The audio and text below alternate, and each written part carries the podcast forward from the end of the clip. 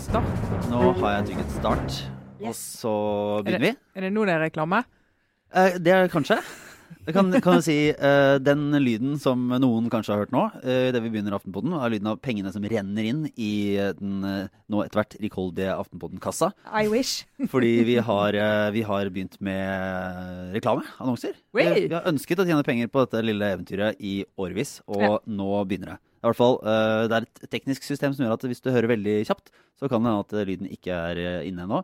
Eh, Hvis du venter litt, eller hører på nytt, så kan det komme.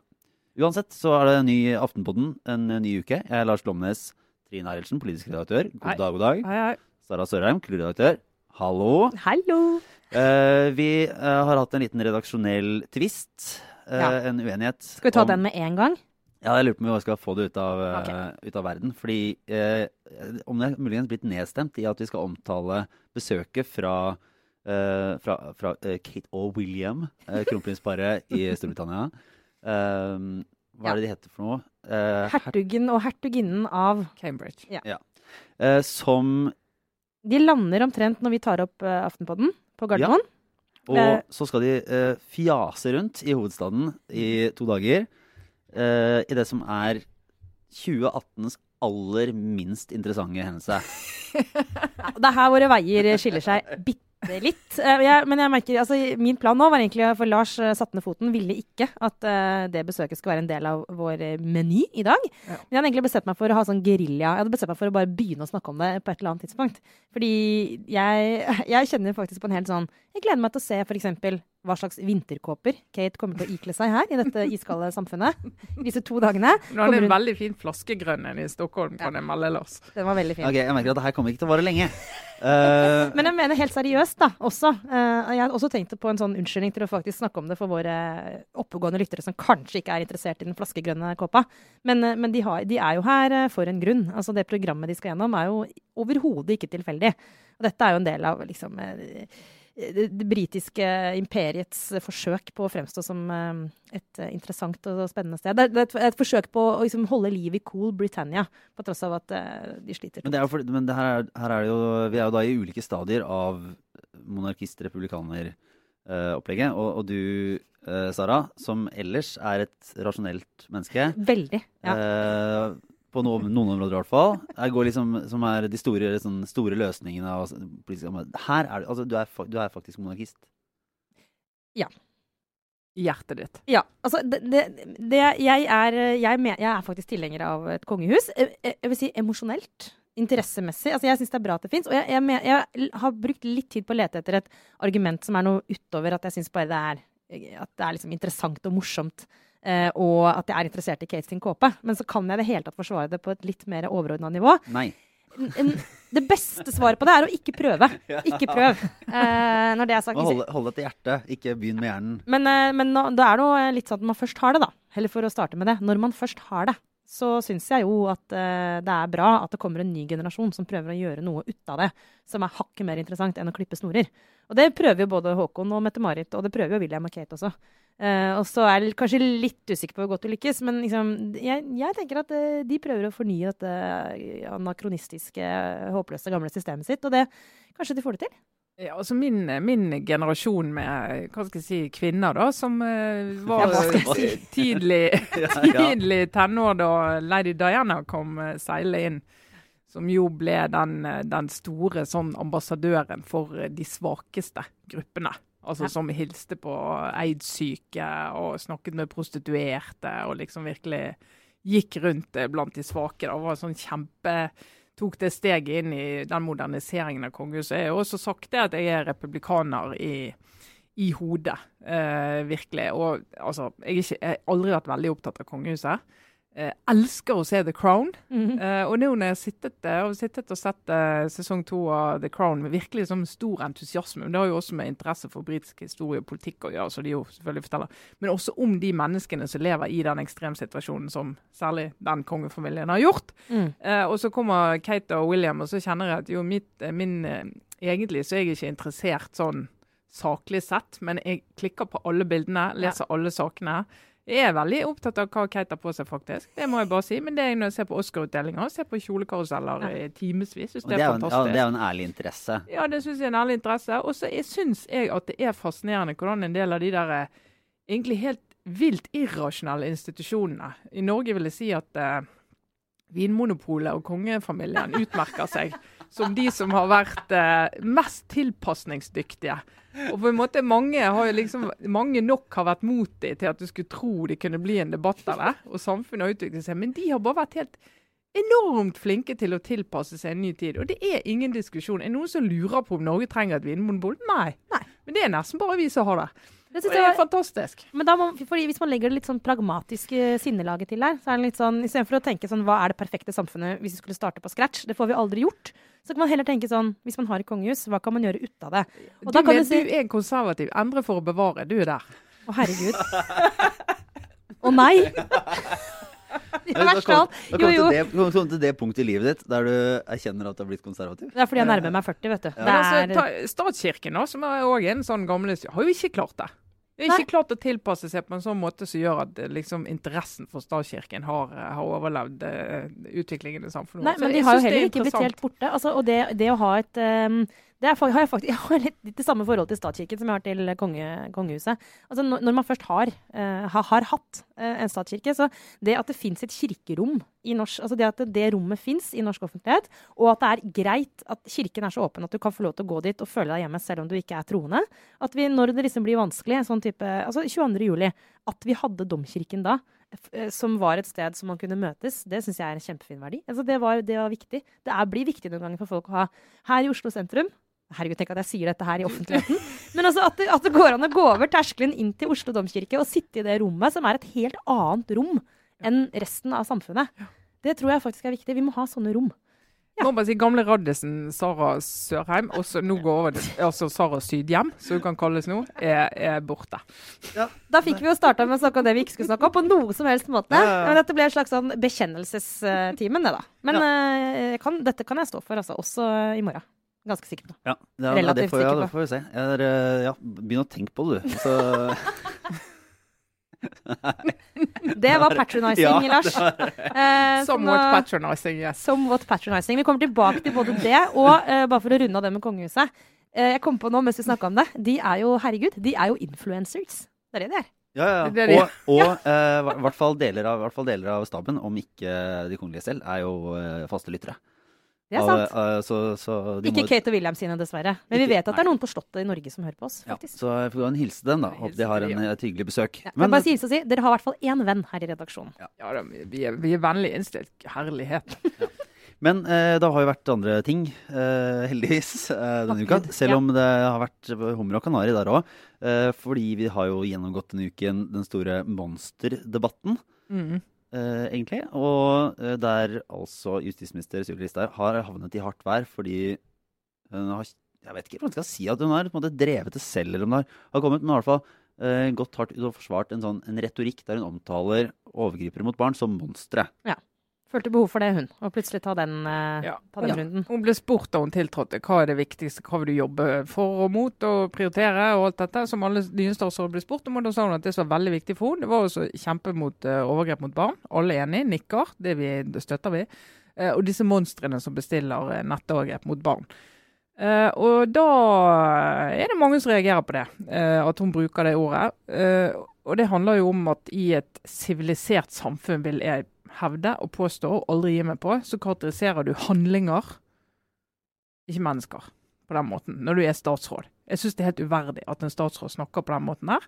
Eh, når vi sitter rundt kjøkkenbordet, når vi sitter eh, blant kollegaer, så kan du omtale folk på mange måter, og det, det glipper lett ut av deg og sånn. Men jeg synes når du er i en sånn posisjon som hun er, og har sånt ansvar for debattklimaet i Norge som hun skal også ha, Eh, og tro at dette handler om at du skal eh, folkeliggjøre debatten og snakke så folk forstår deg. Mm. Dette handler ikke om det. Det handler om en veldig, eh, veldig ødeleggende måte å snakke på, som lager kunstige skiller. For det hun har gjort debatten til å handle om. Det handler ikke om hvordan vi skal møte dette. Det er ikke det hun snakker om. Hun handler om det handler om hvorvidt du er enig i at hun kan bruke det ordet. Altså da er du veldig mot overgrep mot barn. Og hvis du er mot at hun skal bruke det ordet om overgripere, så er du litt mer sånn ikke så kritisk til overgrep mot barn. Og det er en helt, helt hysterisk på jordet eh, måte å snakke om dette på. Men er det ikke altså, Jeg tror det er mange som, som vil se og høre det hun sier, og det er åpenbart en måte, det virker som en bevisst taktikk uh, å, å, ha denne retorikken, sånn som, uh, som politikere gjør av og til på ulike områder. Liksom, og fyrer opp, bruker noen ord, sier det på en måte som, som skaper engasjement og, og debatt. Um, ja, men... og, og det, er, det, er, mange som vil si seg enig i at ja, bare, dette er liksom å kalle en spade for en spade. Uh, ikke vær så bokstavelig. Dette det er liksom en, en, tydelig måte å snakke på som folk forstår. Men, men, det er jo en skinndebatt. For det er jo ingen som syns altså, Av alle ting i et samfunn, så er det, er jo, det er jo en totalt stråmanndebatt. For det er jo ingen som er uenige i at det er helt uakseptabelt. At det er en type handlinger, altså overgrep mot barn, det, altså, det fins ikke en person som ikke er enig i at det er grusomt. Altså, det er der hun liksom skaper et sånt uh, ikke, Prøver ja. å sette opp en slags sånn debatt som ikke egentlig fins. Hvor hun prøver liksom å si at vi som tør å kalle en spade for en spade, vi er de som egentlig er imot dette. Men, mens men det ikke, alle andre hun, det, var på det, var jo, det var jo noen andre som løfta sånn debatten på det. Ja, hun bare sa, hun sa jo bare ja, jeg skal ta disse monstrene, og så Ja, Men det var ikke tilfeldig at hun sa det. Altså, det viser jo også, En ting er nå selve denne debatten, men det viser jo også hennes utrolige evne til å alltid liksom bli den som får oppmerksomhet. Altså, det er nå etter denne, altså når, når vi fikk den nye, eller hva skal vi kalle det for noe, da, utvida regjeringen Hva er det vi har blitt enige om igjen? Vi kaller det nye regjering. Vi gjør det. Eh, så er det typisk at det er, at det er Listhaug det handler om. Eh, eh, og den retorikken hun bruker da, det er ikke sånn at det bare falt henne inn der og da at hun tilfeldigvis sa det ordet. Altså, men, dette er gjennomført retorikk mm. fra hennes side. Hun skaper en sånn type splittelse med sin retorikk, og det tror jeg hun gjør helt bevisst, fordi hun antar at hun kan vinne velgere på å fremstå akkurat på den måten. Jeg har jo sett um, Jeg la ut en liten kommentar på Facebook om det, eh, knyttet til Tor Langbakk, tidligere leder for Domstoladministrasjonen, tidligere dommer. Uh, jurist, selvfølgelig. Han skrev en tekst hos oss der han egentlig går inn i kjernen av dette. Og egentlig poenget hans er vet du hva, jeg skulle ønske de, de var monstre. Ja. jeg skulle ønske det var sånn at du kunne gå rundt og se på de og se jøss, der er et monster.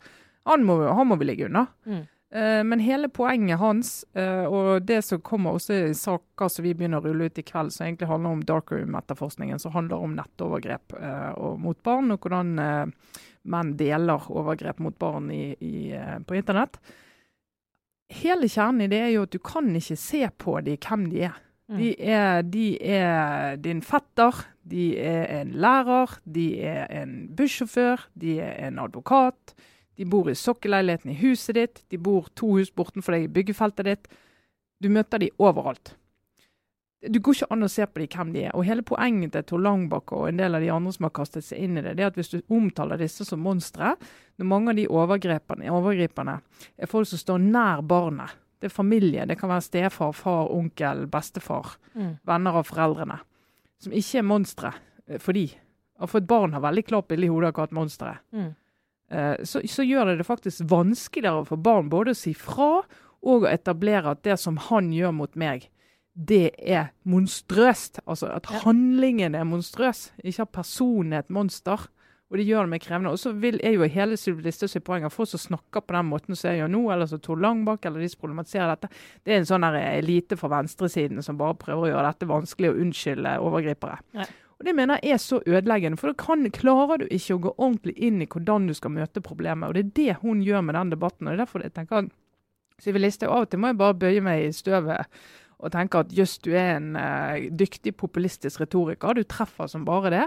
Men akkurat i en sånn sak som dette så er det direkte ødeleggende. Men jeg så i kommentarfeltet også under det som jeg la ut, at det er en som er der inne. Dette sier dere bare fordi at hun kommer fra Frp og mm. er Sylvi Listhaug. Og du tenker Uansett hvordan det sies, så har hun allerede skåret noen poeng der. Og det mener jeg er så trist. Jeg blir altså nedstemt av det der. Men mener du, som du da mener at det her er en, en Altså dumt, men, men bare, hvis, jeg, hvis jeg forsto deg riktig jeg, jeg, våger meg på den tolkningen. Skarpsindig har jeg analysert det du sa, og forstått at du mener at det var dumt. Men uh, hvordan er den beste måten å, for, for de som deg å måte, argumentere mot det her? For noe av liksom, Opplever du at uh, at noe av den der debatten som kommer i et, etterkant, mm. fyrer jo på en måte bare opp under frontene, under, ja. under frontene og på en måte gjør det enda mer sånn Altså kommer alle de der forbanna professorene og sånn, ikke sant? Og så liksom og skal bruke så vanskelige ord ja, om alt. og så skal være sånn, ja, altså kan ikke bare skal snakke, om hva, snakke om hva, hva vi kaller det, istedenfor å snakke om Ja, ja. spørsmålet. Ikke sant? Så er det jo midt i ja, den ja. den problematikken. Og det er virkelig grunn til å bli nedstemt. Når ikke liksom en jurist som Anine Kierulf, som er et, et veldig skarpt hode, en av de liksom, skarpeste offentlige debattantene vi har, når hun gikk inn i den diskusjonen med Sylvi Listhaug på Dagsnytt 18 og prøvde eh, å forklare hvorfor denne ordbruken er nettopp splittende og skadelig, så så tror jeg ikke de som i utgangspunktet var enige med Sylvi Listhaug, liksom endrer seg en millimeter. Altså, det fungerer jo for sånne som oss. Jeg ser jo at hun blir jo med rette eh, skrytt opp i skyene av liksom folk i min eh, Facebook-feed. Eh, men men eh, jeg tror ikke det hjelper. realistiske Ja, den folkelige, Ja, realistiske. Facebook-Farmen kjendis-feeden min. Nei, men altså, det er bare litt å bli nedstemt av at hvis ikke det hjelper, hva, liksom, da blir jeg også litt sånn Men da hjelper ingenting. Eh, da er det bare å liksom innse at det slaget er tapt. Og det kan vi jo ikke. Nei, og jeg, og jeg syns jo det er Jeg, jeg syns jo òg at det er til å bli mer enn vanlig dårlig humør av når partilederen hennes, eh, Siv Jensen, sier at nå må dere slutte å henge dere sånn opp i ordene hun bruker. Hun er Poenget er jo at vi må eh, kjempe mot dette. Og da mener jeg altså som representant for Aftenposten som har skrevet om vold og overgrep mot barn, som Aftenposten har gjort virkelig med stort alvor og, og masse intensitet og ressursbruk i flere år, og så blir møtt med at hvis du problematiserer den ordbruken, så, så er du ikke opptatt av det som egentlig er problemet. Vet du hva, Siv Jensen? Ta deg en bolle. Men det, det den fikk fra, for å runde av den eh, biten her, det var to eh, sånn litt på siden av, dette her. Eh, første var da Espen Teigen, rådgiveren til Sylvi Listhaug, la ut en sak på første dag med regjeringen på Twitter. Så var det et eller annet teknisk krøll som gjorde at da han lenket til denne saken altså Det er så viktig, sa, skrev noe sånt som at det er viktig å få tatt disse monstrene til saken som hadde en overskrift sånn 'Vil ta barneovergripere' der en teknisk glipp hadde fått inn bilde av Trine Skei Grande, så holdt um, Altså, det, den tweeten varte ikke sånn kjempelenge, Men det skjedde. men det skjedde. Og jeg bare vet at der var det sånn grei liten oppstandelse. En god start på uka for uh, Sveinung Rotevatn i, eh, i en, eh, en heftig liten runde, uten at jeg vet om han var direkte iblant. Og så førte det noe til at vi fikk skrevet en liten sak denne uken der Trine Skei Grande fikk, eh, fikk være med i regjeringen sånn ordentlig for første gang. Ja. Fikk liksom En deltatt, ja, fikk deltatt i ordvekslingen og, og vært på plass da, da vår kollega Solveig Ruud konfronterte partilederne i, i regjering med denne ordbruken. da. Og, og Trine Skei Grande kunne si at eh, 'jeg ville aldri brukt det ordet', men understreket at hun satte pris på Sylvi Listhaugs engasjement. Åh, og da får jeg litt da sånn har du, da har du vært på spinnkurs hos sjefen Erna Solberg, for det er jo det hun sier. Og jeg også kjenner det at det her Det er ikke mer enn eh, fire-fem måneder siden uh, Trine Skei Grande omtalte Sylvi Listhaugs retorikk som splittende og, og destruktiv og i det hele tatt populistisk. Og nå er det litt sånn, jeg vil ikke bruke de ordene. Jeg, altså jeg mener i en regjering der Erna Solberg sier at her er det rom for å- Det er i hvert fall rom for at Frp skal få lov å være hvem de vil hele tiden. Det er faktisk ingen hemninger. Ja. fordi da må det være rom for at venstrefolk får lov å si vet du, sånn går ikke det an å snakke om folk. Men dette er et virus. Altså det, og jeg mener, jeg, jeg, apropos retorikk som er ødeleggende. Altså dette her er sånn, dette er, det er dit politisk debatt går for å dø. Det er i den setningen der. Ja, men sånn, det, dette kommer, jeg synes det er, altså Hvis ikke våre ledere i Norge tar ansvar for at ikke kommentarfeltretorikken blir måten vi snakker sammen på i Norge, hvem skal gjøre det da? Vet du, Alvorlig talt. Det, men det har spredd seg. Det er, et, eh, altså det, det er rett og slett Det er ikke bare i Norge. Det var helt vittig. Jeg leste i går uh, Spectator, som våre faste lyttere vet er jo et sånn fint sted å gå hvis du skal ha litt sånn syrlige oppdateringer av siste nytt fra britisk uh, politikk. Uh, med et ganske sånn solid konservativt ståsted, så mind you, men veldig bra skrevet. Men de hadde en liten sånn sak i går på nettopp akkurat i spørretimen i parlamentet, hvor en, en av disse Labour-ministerne ble skikkelig irritert på en, en kvinnepolitiker fra Nei, unnskyld. En Tory-minister ble ordentlig irritert på en eh, kvinnelig Labour-politiker. Eh, såpass irritert at han kom i skade for å si Det var en debatt om eh, stemmerett for 16-åringer eller ikke. Hvor han kom i skade for å si noe sånt som at nå må du faktisk vokse opp eh, og ta denne problemstillingen litt mer på alvor. Eh, noe som jo da Hva var det de skrev på Spectator? Det ble oppfattet som somewhat patronizing. Apropos Lars. og før spørretimen var over, så hadde da Theresa May sine rådgivere allerede vært ute og sagt at The Prime Minister ville ikke brukt eh, akkurat disse ordene. Universal Yeah, way to bortforklaring. go. Universal. At, men det er liksom blitt sånn at i regjering må du ha en eh, kom-person som bare har som hovedjobb å si til statsministeren at du, du må ikke ta avstand fra det, for da kan regjeringen sprekke. Du bare si at 'jeg vil ikke bruke de ordene'. Men eh, var, regjeringen har jo da fortsatt, og på onsdag denne uken, hvis ikke jeg har tatt helt feil, og så Ja. debattert Altså på tirsdag så uh, la, la, eh, la regjeringen fram uh, regjeringserklæringen i, Ja, i hele Norge Stortinget. sto jo stille da. Hvem, Når, hvem skulle trodd? Hvem skulle trodd? Og skulle onsdag så debatterte de den. Så debatterte de den. Og Fikk det litt, var, ja. fikk aldri sliten telefon fra sentral person ved SMK som ringte på mandag og lurte på om jeg var klar over at uh, Erna Solberg skulle legge frem regjeringserklæringen for Stortinget på tirsdag. Med påfølgende debatt i 18 timer.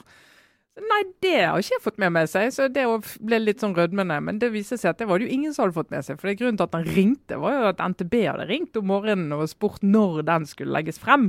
Og da var det liksom OK, her er det noe som har glippet. Så det de hadde glemt å gi beskjed. så eh, akkurat hvordan, hva som har skjedd, om folk har vært helt nede i metoo-grøften eller hva som har skjedd, men det var i hvert fall kom litt sånn brått på eh, en del eh, at dette skulle skje. Og så skjedde det, og så var det debatt, og så ja, litt sånn eh, Solveig Ruud har skrevet en fantastisk sak egentlig, om de elleve sakene av de som ligger i erklæringen. Det blir jo helt sikkert mer enn det.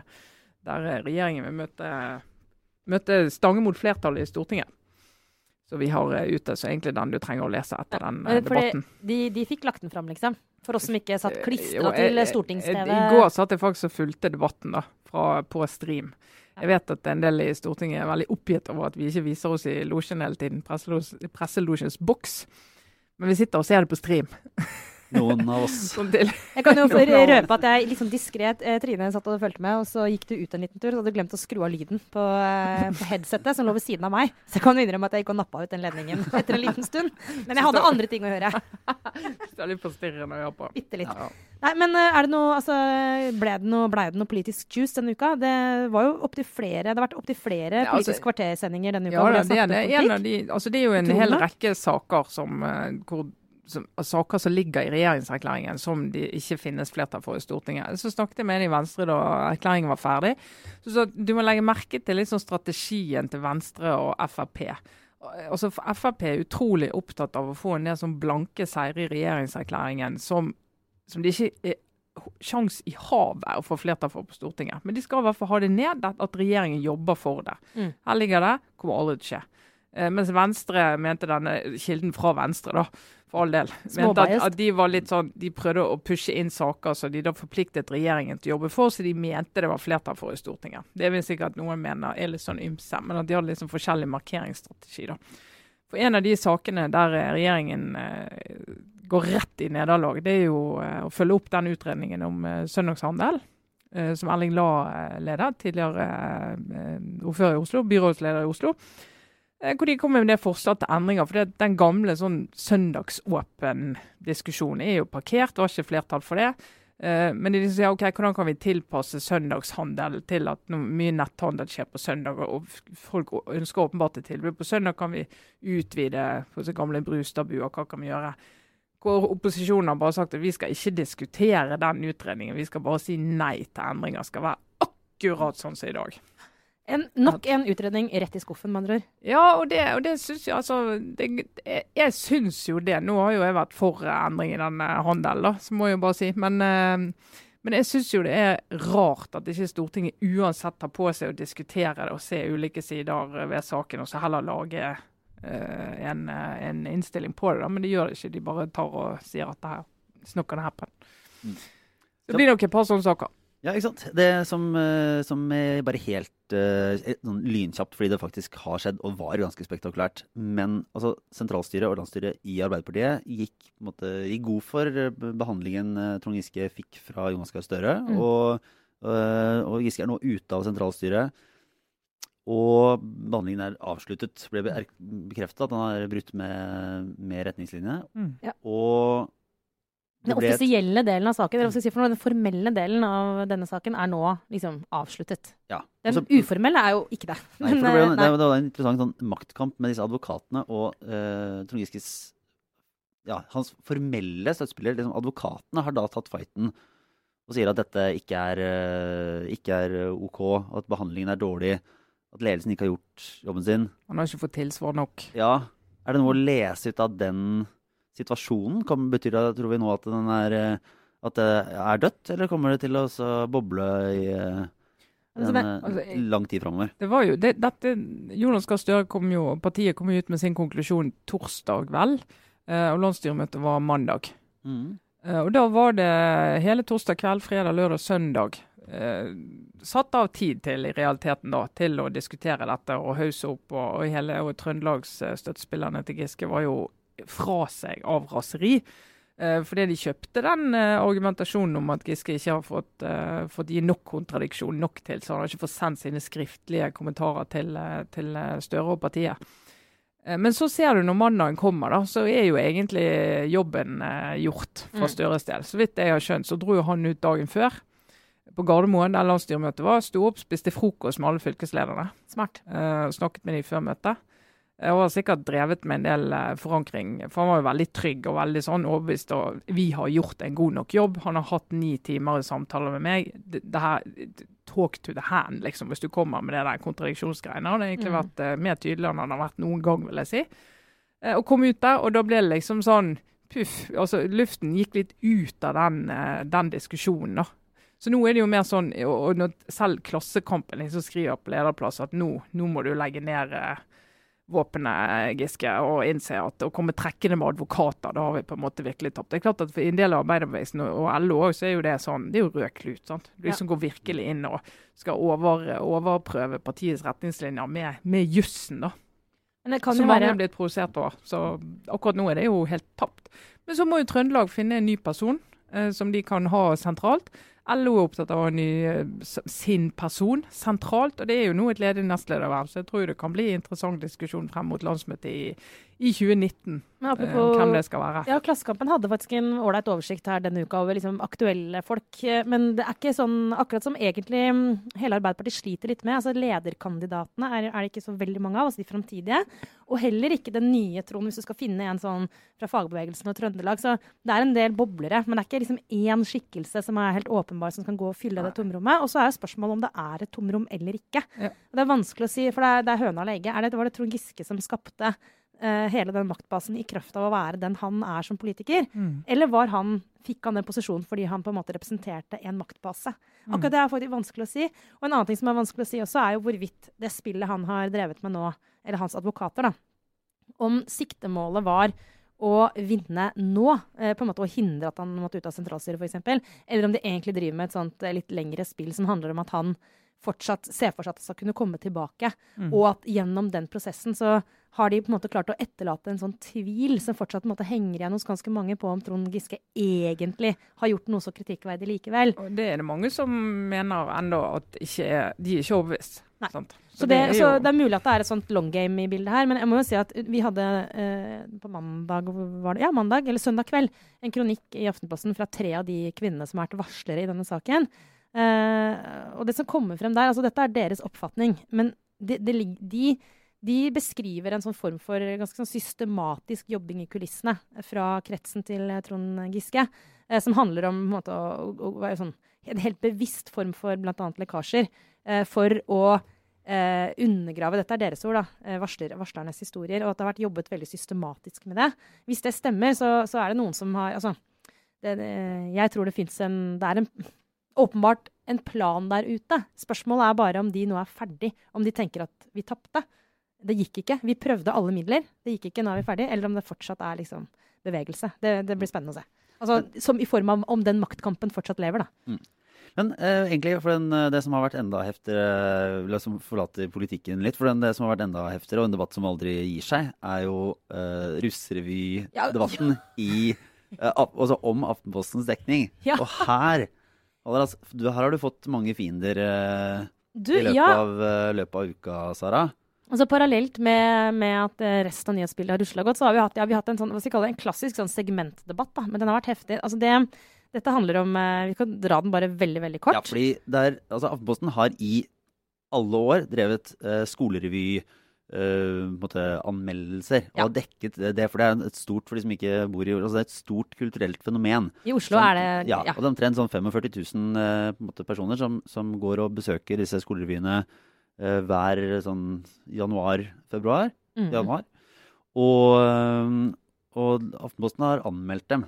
For de som har sett Skam, så vet dere jo hvor viktig revygruppa kan være på, for, på Ja. videregående skole. Dette er jo videregående skoler i hele Oslo, eller mange av dem. Ja, nei, vi har anmeldt dem. Det vi har gjort i år, eh, som vi ikke har gjort tidligere, er at vi faktisk har begynt å anmelde dem helt sånn helt reelt. Vil si bruke hele skalaen på denne terningen. Eh, slik at det er en revy som har fått terningkast to i år. Og så er det tre som har fått seks, og tre som har fått fem. og ganske sånn. Men, men det har eh, tidligere ikke vært så vanlig. Tidligere så har vi vel stort sett holdt oss til eh, fire, fem og seks som de karakterene vi har brukt. Så det har vært liksom en skala som egentlig ikke har vært eh, mer enn tre eh, nivåer, da. sant? Men det har vi blitt enige om, og det mener jeg, det står jeg på. At hvis en anmeldelse i Aftenposten skal være nettopp det, så må den være, det må være helt reell. Leserne må vite at en femmer er faktisk en reell femmer. Eh, men dette har jo ikke vært eh, Og jeg skjønner det, altså det har ikke vært så populært der ute at vi har begynt å bli litt sånn strengere. Ja, for Dere har jo fått, ja, fått blitt anklaget for å, for å være sånn jævlige mot Ja. unge entusiaster. Som Ja. bruker masse tid og hele juleferien og penger inn i bildet, og de får ikke så billetter. Og i det hele tatt, Sara, du raserer skolerevy i Oslo langt på vei. Og knuser disse unge hjertene. Ambisjoner og. Generasjon prestasjon, som da går rett i lockdown, liksom, når de får eh, dårlig tilbakemelding. Ja, men det som er, da og jeg har sagt uh, tidligere, og det, det skal vi gjøre, vi må, snakke, eller vi må undersøke litt ordentlig. fordi de som protesterer, f.eks. Sigrid Bonde Tusvik i Dagsavisen, som var liksom terningkast, veldig opptatt av å gi oss terningkast to, var det vi fikk, for uh, vår an anmeldergjerning. Uh, hun påstår liksom at hun hadde gått på en smell og ikke, blitt, liksom, ikke turt å gå på scenen igjen hvis hun hadde opplevd det samme. Men uh, kan jo, altså, vi får jo tilbakemeldinger fra de som er og jobber med revy nå, som vi veldig gjerne vil at vi skal trille terning. Og veldig veldig gjerne vil ha en reell vurdering. Så vi får se litt. Det er ikke sikkert at de som har vært ute i offentligheten, er helt representative. Men, For- ja, ja. men jeg, kan, jeg veit vet faktisk ikke helt hva vi skal jeg, gjøre. jeg, har, jeg har vært veldig for det at hvis vi skal ha Altså skal vi anmelde med en karakterskala fra 1 til 6, så får vi bruke den. Ja. Fordi at da, Det er litt av premisset. Men så er jeg jo ikke så helt sikker på om, om liksom, nødvendigvis Aftenposten skal liksom, pushe på for at skolerevy skal altså, så liksom, Akseptere premisset om at det skal være så profesjonalisert og skal være på lik linje med alt annet. Altså, vi kan jo akseptere at det er en form for dugnad og kulturell utvikling og eh, hobbyprosjekt, og liksom ikke nødvendigvis må måles sånn på en karakterskala. Altså, du kan lage jeg har litt sansen for det argumentet om at du kan, okay, du kan skrive en anmeldelse som, som påpeker det som er positivt og det som er negativt, Mm. men at det, er ikke, er det ikke sikkert at det må kåres en, en vinner på hver enkelt Altså, jeg, hver enkelt revy. da. jeg følger det litt. Jeg har vært på, på et par av de revyene, og den ene fikk veldig god terningkast. Og det var ikke gøy å se på. Det var fra liksom forrige da, da, Det var da Ja, vi ga stort sett høye Ja, før da vi. Ja. ga egentlig stort sett høye terningkast. Og da tenkte jeg det her er for meg som liksom kom ut som en outsider og ikke var i familie og gikk med noen venner, liksom. Så tenkte jeg ja, jeg skal gå og se på det. Og det er et fenomen, det der skolerevygreiene i Oslo for oss som kommer utenfra. Jeg tenker det er sikkert knallhøyt nivå og veldig kult og sånn. Det, det var det ikke. og så tenkte jeg, og det er jo for så vidt greit, men altså som eh, på å si, konsument eller bruker eller en som oppsøker det uten å liksom være sånn veldig idealistisk anlagt. For mange av de som går er selvfølgelig familie og medelever og foreldre og venner. Som, som liksom vil så vel at de kommer inn med terningkast fire i seg, og så yeah. ser de bare etter er gode ting. Sant? Og det er helt greit. Men jeg også tenker det at eh, hvis du først skal bruke terningkast, så må du bruke hele skalaen. Noe annet er å lure både de og det publikummet som måtte forville seg innom. Pluss at det er en urettferdig sammenligning mellom de. Noen er mye bedre enn de andre. Mm. Men jeg også heller mot at du ikke skal bruke terningkast på den type am amatørproduksjoner. Da, at du heller skriver en anmeldelse. Ja, Sånn. for øvrig en veldig viktig Dette var veldig bra, dette var veldig svakt. Det er en veldig, Også- veldig sånn mediemessig forskjell at vi nå, Trine, for vi, i Aftenposten så har vi ikke terningkast. Det tror jeg vi kanskje har vært innom Vi før. har ikke det. Vi har karakterer, eh, fordi terningkast antyder at det ligger noe Tilfeldig ja. eh, og det er det langt ifra. det er Så sant. det vil jeg ha meg Ja, vi har ikke Vi har karakterer. Men Nei. eh, det, det vil altså på min, alt. min, mitt forslag, da, som kan tas inn i redaksjonen og, Ja. og uttale, er at man skriver anmeldelsene. Eh, Det er to muligheter. Enten skriver anmeldelsene, og så kårer sånn de topp fem i rangert rekkefølge på slutten av sesongen. Ja. Og så trenger du ikke ha sånn 'disse var dårligst'. Uh, Eh, akseptere at det er litt mer sånn barneidrett over, uh, over uh, skolerevyene. Ja. Uh, andre alternativer er at man på en måte har en, en greie der de som vil bli vurdert reelt, på en måte går inn i en sånn OK, vi har en deal på at hvis du, hvis du der, på en måte regner deg som, som så profesjonell at du vil bli vurdert på lik linje med alle andre, så kan du på en måte, skrive deg inn i den gjengen her, og så kommer Aftenposten, og du risikerer å bli rasert. Men vi kommer til å uh, være skikkelige, da. Altså Nå har jeg lovt at jeg skal være sånn nå er vi, vi har sagt, og det er helt sant, at vi skal evaluere det. Så nå sitter jeg og nikker og tenker sånn Ja, takk for gode innspill, eh, kjære kollegaer. Eh, men det brenner, jeg brenner etter å si bare helt til slutt at eh, disse, dette er jo elever som får karakterer på alt de gjør. Men på skolen. de da skal Sånn Men, at det- men karakteren henges jo ikke opp offentlig. Nei, de snekkes ikke opp på. Aftenposten. Men, det, det, eh, men, altså, okay, så, men et forsvar for er at det, liksom, de er, det, det er en form for vurdering som ikke er helt fremmed for dem. Det andre er bare, bare for å si det da, det er at det er ikke sånn at anmelderne går inn og forventer nasjonalteaternivå.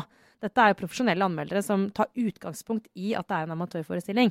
Pluss at vi ikke skal være liksom sleivete eller unødvendig slemme. Eller, altså, du, du, teksten er ikke skrevet sånn som for eksempel så kan jo anmeldere innimellom være ganske syrlige i tonen eh, hvis de går på et, et av de store teaterne og det du får presentert er dårlig.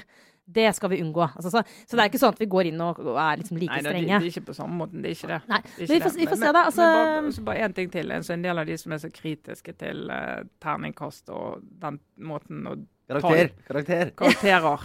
Unnskyld. Se på forlagene og forestillinger, altså. De Mm. elsker det jo. For det er jo så fint å bruke i markedsføring. Og hvis ikke det er terningkast, eller hvis terningkastet er dårlig, så går de inn i anmeldelsen og finner én hyggelig setning, og så bruker de den og liksom klipper den ut og klistrer det opp. Sånn. Så det er sånn Men Så er det altså folk vil ha, selvfølgelig, er jo en anmeldelse og en karakter som er god. Det er det de vil. Ja. Og det, og det, men kan, jeg vil gjerne ha en anmeldelse, men kan ikke bare si at jeg er flink. Det er den Men der, helt til slutt, en ting som, men det, det vi aldri må slippe, da, det er jo at i denne verden vi befinner oss i, med influencers og alt mulig annet eh, pakk som får betalt for å mene ting, eller vise fram ting, så er jo for Aftenposten og for oss, altså kulturavdelingen i Aftenposten, det er, vi kan levere det som er som helt uavhengige kvalitetsvurderinger. Og den eneste forpliktelsen vi har, er overfor leserne. At det, den vurderingen skal være reell. mm. Så det, uansett hvordan vi gjør det med Russerevyene neste år, det, jeg, det er liksom en påle som vi aldri skal slippe. Det er jo at vi eh, kan liksom garantere at ok, det er ikke sikkert du er enig med vår anmelder, men dette her er en fagperson sin vurdering, og den er faktisk ikke betalt av noen, eller, Mm. eller på noe som helst måte biased. Og det er liksom, når vi krever betaling av våre lesere for å lese vårt innhold, så Ja. er liksom det vi kan gi tilbake, er her får du faktisk en uavhengig vurdering. Ja. Og det er gull verdt, og det er sånn som gir meg tro på at journalistikk faktisk kan overleve i den her eh, medieoffentligheten vi nå har fått. Here, Det er akkurat det. som- Enig. Men eh, ja, dagens, vi eh, nærmer oss eh, avrunding, i hvert fall sånn inn i litt obligatorisk refleksjon Mm. som, eh, som trengs. Uh, Trine Eilertsen. Jeg har, eh, jeg har forholdt meg- høring, liksom? Ja. Ja. Nå, jeg har forholdt meg til mediekritikk i mange år som redaktør. eh, og som eh, medieprodusent, holdt jeg på å si. Eh, og nå har vi en kjempesvær mediedebatt om, eh, eller debatt om medienes dekning av eh, metoo. Mm. Eh, og det syns jeg er fint at vi har. Stor interesse for den. Det var i går, uh, altså onsdag denne uka, var det smekkfullt på Kulturhuset på, på debatt om akkurat det temaet. det- Som det faktisk kan høres på P2. Det kan ses i stream, og det kan høres på radio på søndag. ettermiddag. Radio, hva er det for noe? Jeg vet ikke hva det er. Det er et eller annet fryktelig sånn regelbundet. Uh, men det, det er noe sånt. Det var bare en, en ørliten anbefaling underveis her. Ja, nettopp. Uh, og det, og det jeg syns av, av og til, dessverre for sjelden, så er mediekritikk nyttig. Og En av grunnene til at det ikke er nyttig oftere, det er at mediekritikken er for lettvint, han er for generell, han er for feig. Uh, typisk etter metoo-dekningen så er det en del som har vært ute og sagt Og da kan jo jeg navngi, da. Lena Lindgren i Morgenbladet og Arno Holm oppe i, i, i Nord-Norge, og en del andre som mener at eh, kommentariatet var så tidlig ute med å kreve handling og kreve at Støre skulle liksom gi Giske sparken, og dette skjedde med en gang. Eh, Og da er det sier ja, OK, jeg leser det jeg skriver, krevde det. Ja, jeg, sa, jeg mente at Giske burde gå av. Det mente jeg burde trekke seg etter det han selv sa. Eh, men når du Jeg er jo ikke nødt til å svare på en sånn kritikk, for det er jo ingen som navngir meg. Det er jo Mm. ingen som sier Trine Eilertsen skrev. Eh, de skjærer alle kommentatorene over en kam. Eh, Vi skrev ganske forskjellige ting, var opptatt av forskjellige ting i de dagene. Men i og med du kaster alle ned i én sekk, så er det ingen av oss som liksom presses ut til å svare. For kritikken er så vag og fluffy, og du tenker at det kan like så godt handle om han andre. Mm. Og det mener jeg vi kommer for lett unna. Kritisere oss, men vær konkret. Det andre de driver med, er sånn mediene driver med. Pressen driver med. Og det er, altså, det er helt meningsløs kritikk. For da redaktørene, da, som er helt vanlige mennesker, tenker ja, hvem da i pressen? VG, oss, NRK, Dagbladet? Altså Det må være mye mer pinpoint i kritikken hvis den faktisk skal være nyttig for oss. Så akkurat som du ikke kan si at politikerne i Norge de, de kan ingenting om EU. Altså, Det kan du jo godt si, men hvem skal svare på det? Og Skal Heidi Nordby Lynde, leder av Europabevegelsen, svare på det? Hun kan masse om EU skal en eller annen som aldri har lest om det, svare på det. Altså, det blir for lett. Du må være konkret på kritikken. Må være navngitt på redaksjon, på kommentator. Bedre mediekritikk. Takk. Over ut. Ja. Fordi, ja, det skal sies, eh, Mediene anklages ofte for å ikke ta kritikk spesielt godt. Og det kan de sikkert ha rett i, fordi mye blir avvist. Men på den annen side så er det jo ingenting mediefolk, og nå er jeg helt generell og, og, dermed helt spesifikk, nesten på hver enkelt av oss. Eh, det er nesten ingenting eh, de vi liker bedre enn å diskutere det vi selv gjør. Nei, nei. Og de vurderingene som tas. Vi tar gjerne en debatt om oss selv, for å ja. si det mildt. Ja, det syns jeg er interessant. En del ja, men det er så skummelt å kritisere mediene, for da får du imot deg. Ah, har du vært inne i en redaksjon på en vanlig evaluering? Altså, Jeg har aldri møtt så hard kritikk som inni huset. Nei. Det er ingen på utsiden som har greid å ramme like hardt som på innsiden av huset. Altså, Diskusjon om det vi gjør, skal vi ha. Men jeg må jaggu folk gidde å konkretisere og gå ja. rett på det som er problemet. også. Altså Noen ganger, da, eh, uten at vi skal rippe opp igjen i hele denne saken rundt uh, Trond Giske, men eh, et argument jeg ser går igjen, er at man sier at jo, men kommentariatet var så enige om at han måtte gå. Og det brukes, brukes, som et argument mot på en måte, altså at, at, kommentatorene i de store avisene er for enige. Det har vært flere som har hatt liksom oppe som et sånt uh, moment nå i diskusjonen om akkurat metoo-dekningen. Men da tenker jeg sånn, ja, men tenk om det var sånn at det, det var faktisk helt riktig. Altså, noen ganger så er det sånn at folk er enige fordi det er det, man, det, er det riktige å mene fordi det faktisk er helt sant. Mm. Liksom, noen ganger tenker jeg sånn, Du kan ikke ha kontrære stemmer bare fordi at man skal ha det. Hvis det er en sak hvor det er så åpenbart I dette tilfellet så hadde du nestleder som hadde brutt det interne eh, reglementet for seksuell trakassering og mista tillit. og da da er det litt spesielt å kritisere kommentatorer for å mene at han burde gå. når det er veldig sånn, altså, Selvfølgelig må han det. Så det er sånn, Apropos når vi skal tømme oss her. det er så litt mm. sånn, Man må skille mellom at folk går i takt fordi vi tilhører samme gruppe, og at man går i takt fordi det er en sak hvor det er nesten helt umulig å være uenig. sant? Ja. Og du, Sara. Influensing. Du, vet du, Nå har jeg slengt med leppa litt i løpet av denne sendingen. Et par ganger i hvert fall. Uh, sagt med så mye forakt. Jeg klarer å samle i stemmen min dette ordet 'influencer'. Nå får du kjeft på Facebook, Sara, når du sier det. Får kjeft på et sosialt medium, sikkert. Ja. Uh, nær, nær, meg. Men, øh, men, men, men, dette er helt, helt, seriøst. Det ordet 'influencer' det har liksom kommet siste Jeg vet ikke, jeg vet ikke når det ble oppfunnet. Uh, og nå, nå er det løfta fram fordi det er en sånn uh, blog award-ting, og det har vært en strid mellom diverse bloggere. Vi trenger ikke å gå inn i hele den biten, Nei. men der er det i hvert fall der har i hvert fall uh, hva skal man si, tittelbeskrivelsen til flere der nå er influencer. Ja, altså Det er uh, Vixen Influencer Awards, uh, som deles ja, ut på søndag. Så de har bytta navn, for det var Vixen Blog Awards ja. før. Mm. Hvorfor heter ikke det blogg lenger? Nei, altså En eller annen person, jeg vet faktisk ikke hvem, hvis noen vet, vil jeg gjerne vite det, må på et eller annet tidspunkt ha tenkt at altså, Poenget er dette her med å svære en blogger, da. Det har jo blitt en business. Uh, fair enough. Altså du tjener masse penger på å bl.a. vise frem produkter og skrive pent om dem i, i dagboksform.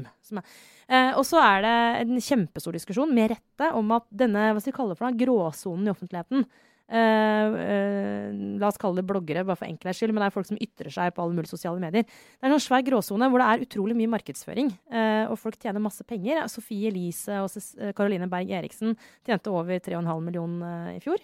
og det er jo ifølge ligningstall og, og, omsetning. Og så er det jo masse mer de tjener på at de får gratis produkter. Men dette er ganske store penger i et marked som er lovregulert, men hvor de bryter markedsføringsloven veldig ofte. Uh, og da mener jeg ikke de to jeg nevnte nå, men sånn generelt, det er diskusjonen. Og det har vært masse bråk rundt uh, Vixen Awards, fordi skal bloggere som bryter denne loven, diskes, diskes fra konkurransen? Men da kan jo ingen være med. en, en, uke ble det det, men neste uke var de inne igjen. Ja. Men mitt, mitt anliggende akkurat nå, i denne obligatoriske refleksjonen, det var at dette ordet, det er dette ordet jeg egentlig har hengt meg litt opp i, influencer. Uh, det irriterer meg. Det, det, er et dårlig ord. Og jeg kan jo fortelle at vi er også influencers. Jeg leste faktisk en definisjon av det ordet i stad. Det gjelder også folk som har podkast. Det kunne, kunne vært nominert. Men, men hvis du er radio, er du ikke influenser. Det tror jeg ikke. men vi har jo veldig, ja, nå har vi jo til og med uh, ja, indirekte kommersielle interesser, da, siden vi har fått oss uh, reklame. Hurra! Ja. Så da, uten at vi står innenfor reklamespottens innhold, sånn i utgangspunktet Ja, vi har redaktøransvar for det. Redaktør, ja, men vi er ikke sånn at vi, vi vil jo ikke influense noen aktivt, personlig Nei, jeg, jeg husker ikke akkurat noe hva spotten var for. Nei. Men, eh, og det er for så vidt et godt tegn, det, altså. ja, Men Men- vi ville solgt det til hva som helst, fordi vi har jo prøvd å, Ja, prøvd å tjene penger på det her i årevis. Poenget er at denne flokken, altså influensere, er for å gjøre det forståelig for dere der ute som kanskje heller ikke helt skjønner hva det betyr. Altså, det er jo folk som på en eller annen måte har et publikum, og som bruker den kanalen eh, til å selge ting. Det er det det er. ikke sant? At du, at du altså, er en påvirker, og at du kan gjennom å liksom snakke litt først om dagen din, og så etterpå sier du at eh, forresten, du må bruke denne barberhøvelen. Jeg Er elsker den. den. det den nye, den nye TV-shop? Ja, Når han, den nye eh, Knut Bjørnsen. ja, når Gryte-Knut sto og bare prata litt, brukte kjendisstatusen sin og solgte ting. Og synes hele- Ja, det er jo det samme, men- men, men du, du, det å kalle det påvirker istedenfor influenser, syns du det eh, høres dumt ut? Nei, jeg, jeg, eller De driver jo bare med der reklame, da. Det er jo Det er der, her er faktisk Kanskje du kan spørre Sylvi Listhaug, for at, eh, hvis du først skal få hva, altså, kalle en spade, ja, spade for en spade. Det er det, egentlig det jeg sier her nå. Vi, dette er en gråsone hvor det foregår mye eh, form for markedsføring som ligger sånn på kanten av loven. Det er derfor det faktisk helt reelt sett også er litt provoserende at, at du har en hel business hvor ting er litt for lite eh, tydelig. Eh, noen, av, noen av bloggerne er kjempeflinke, så det er ikke alle. Men mange er, nok er ikke det. Så poenget er at la oss begynne med å kalle en spade for en spade, så må vi si hva det er de egentlig gjør. Og da er et ord som influencer er sånn tåkeleggende. Ja, ja. bloggere som selger ting. Ja, så kall det reklame. Kall det, altså Bruk Ja. ord. Markedsføring, da. Ja, kall deg for markedsfører, Ja. for eksempel. Ja, Jeg får like mye mark av den der årets markedsfører. Det høres ut Ja, men det er, noe, hvert fall Ja, ja. det er jo i hvert fall et norsk ord som- som eh, forsvant fordi at du skulle hete marketing istedenfor. Altså, den der, eh, der merker jeg at jeg blir litt sånn gammel dame. Altså den der anglifiseringen som er så Nei, det. Adresserer et problem. vi, eh, vi, vi, vi, vi får tenke ut noe lurt og se der. Jeg har bare en kjapp, uh, kjapp anbefaling, egentlig. Uh, det er en sak som, uh, i, i New York Times der en, noen har skrevet om langrenn. Ja. Eh, om denne på en måte, den aller mest monotone og kjedelige vinteridretten. Fordi de ser jo bare på, på langrenn eh, hvert, eh, hvert fjerde år når det er OL. Og de ser jo ikke på det da heller, fordi det er dritkjedelig. Like ofte som du ser på Ja. dressurridning i OL. ja, ja så, så det er en, bare en lang og ganske sånn fin tekst om, om den meningsløse idretten langrenn, som er fin. Det er et sånn oppspark til noen debatter som jeg bare vet at vi kommer til å få. Og noen, noen norske OL-klisjeene som kommer til å komme de neste ukene. Så det er bare å forberede seg. For da kommer vi til, det kommer til å være påstanden om at det egentlig bare er norske tilhengere som klarer å heie på et OL. De kommer til å klage på at det er for få tilskuere i løypene, og det ikke er like mye liv som det ville vært i Holmenkollen. Uh, og så kommer det til å snakke om hvordan uh, langrennsløpere er toppidrettsutøvere i mye større grad enn absolutt alle andre. Og så kommer vi til å gå gjennom noen sånne Ritualer. ja, verden har ikke forstått oss-saker. som, Uh, som kommer, til å, kommer til å være nå de neste, neste ukene. Og det er bare å glede seg til. Ja, Men uh, dere andre får bare finne på noe annet, dra på ferie. Jeg elsker vinter-OL, virkelig. Jeg gleder meg som en unge. Det er virkelig, og jeg har, eh, nå går jo øvelsene før arbeidstid, faktisk. Så dette er helt eh, dette er, så Jeg skal for første gang i mitt liv sannsynligvis nå stå opp klokka seks med en viss glede uh, for å se på langrenn. Den beste Men idrettsgrenen. alpinøvelsene, går de jo før arbeidstid? De går De- faktisk midt på natta. Klokka tre om natta. Sorry, Trine. Det var dumt. Så det kommer til å bli noen trøtte, trøtte morgenmøter på kommentaravdelingen. det var dumt. Men uh, ved nei, det- altså, Trine ja. skikkelig lei seg Ja. på ekte. Ja, det syns jeg, var- det synes jeg var dumt. Det, var så, det så ut som alle de, det så ut som alle de eh, middelklasse uh, medievennene mine da de, den der brødboksen gikk konk. Det var sånn uh, Det var bare sorg. Jeg mener, det var sånne folk som ble oppriktig triste over at ikke de fikk sånn derre brødboksen. ja. Ja. en tragedie. Uff, nei, nå skal vi runde av for denne gang, eh, rett og slett. Tilbake igjen neste uke Ja. Eh, med mer spennende uke. Ja. Og, I mellomtiden skal jeg rett og slett til Alpene og, og stå på ski og leve meg inn i dette. Vi håper du kommer tilbake. Gjør det, gjør det hvert år. Ja, det vet dere. Men jeg kommer tilbake til torsdag helt, helt uten å være oppdatert. Så da er kommer jeg til å være åpen som, en, som et nyfødt barn for innspill. Da må du høre på Stortingets eh, Du må følge med neste skal uke, følge med Lars. på. Ja. Yes. Nei, nei, men uh, takk for denne gang. Trine Herlersen, Sara Sørheim, jeg er Lars Glomnes. Ha det bra. Thank you.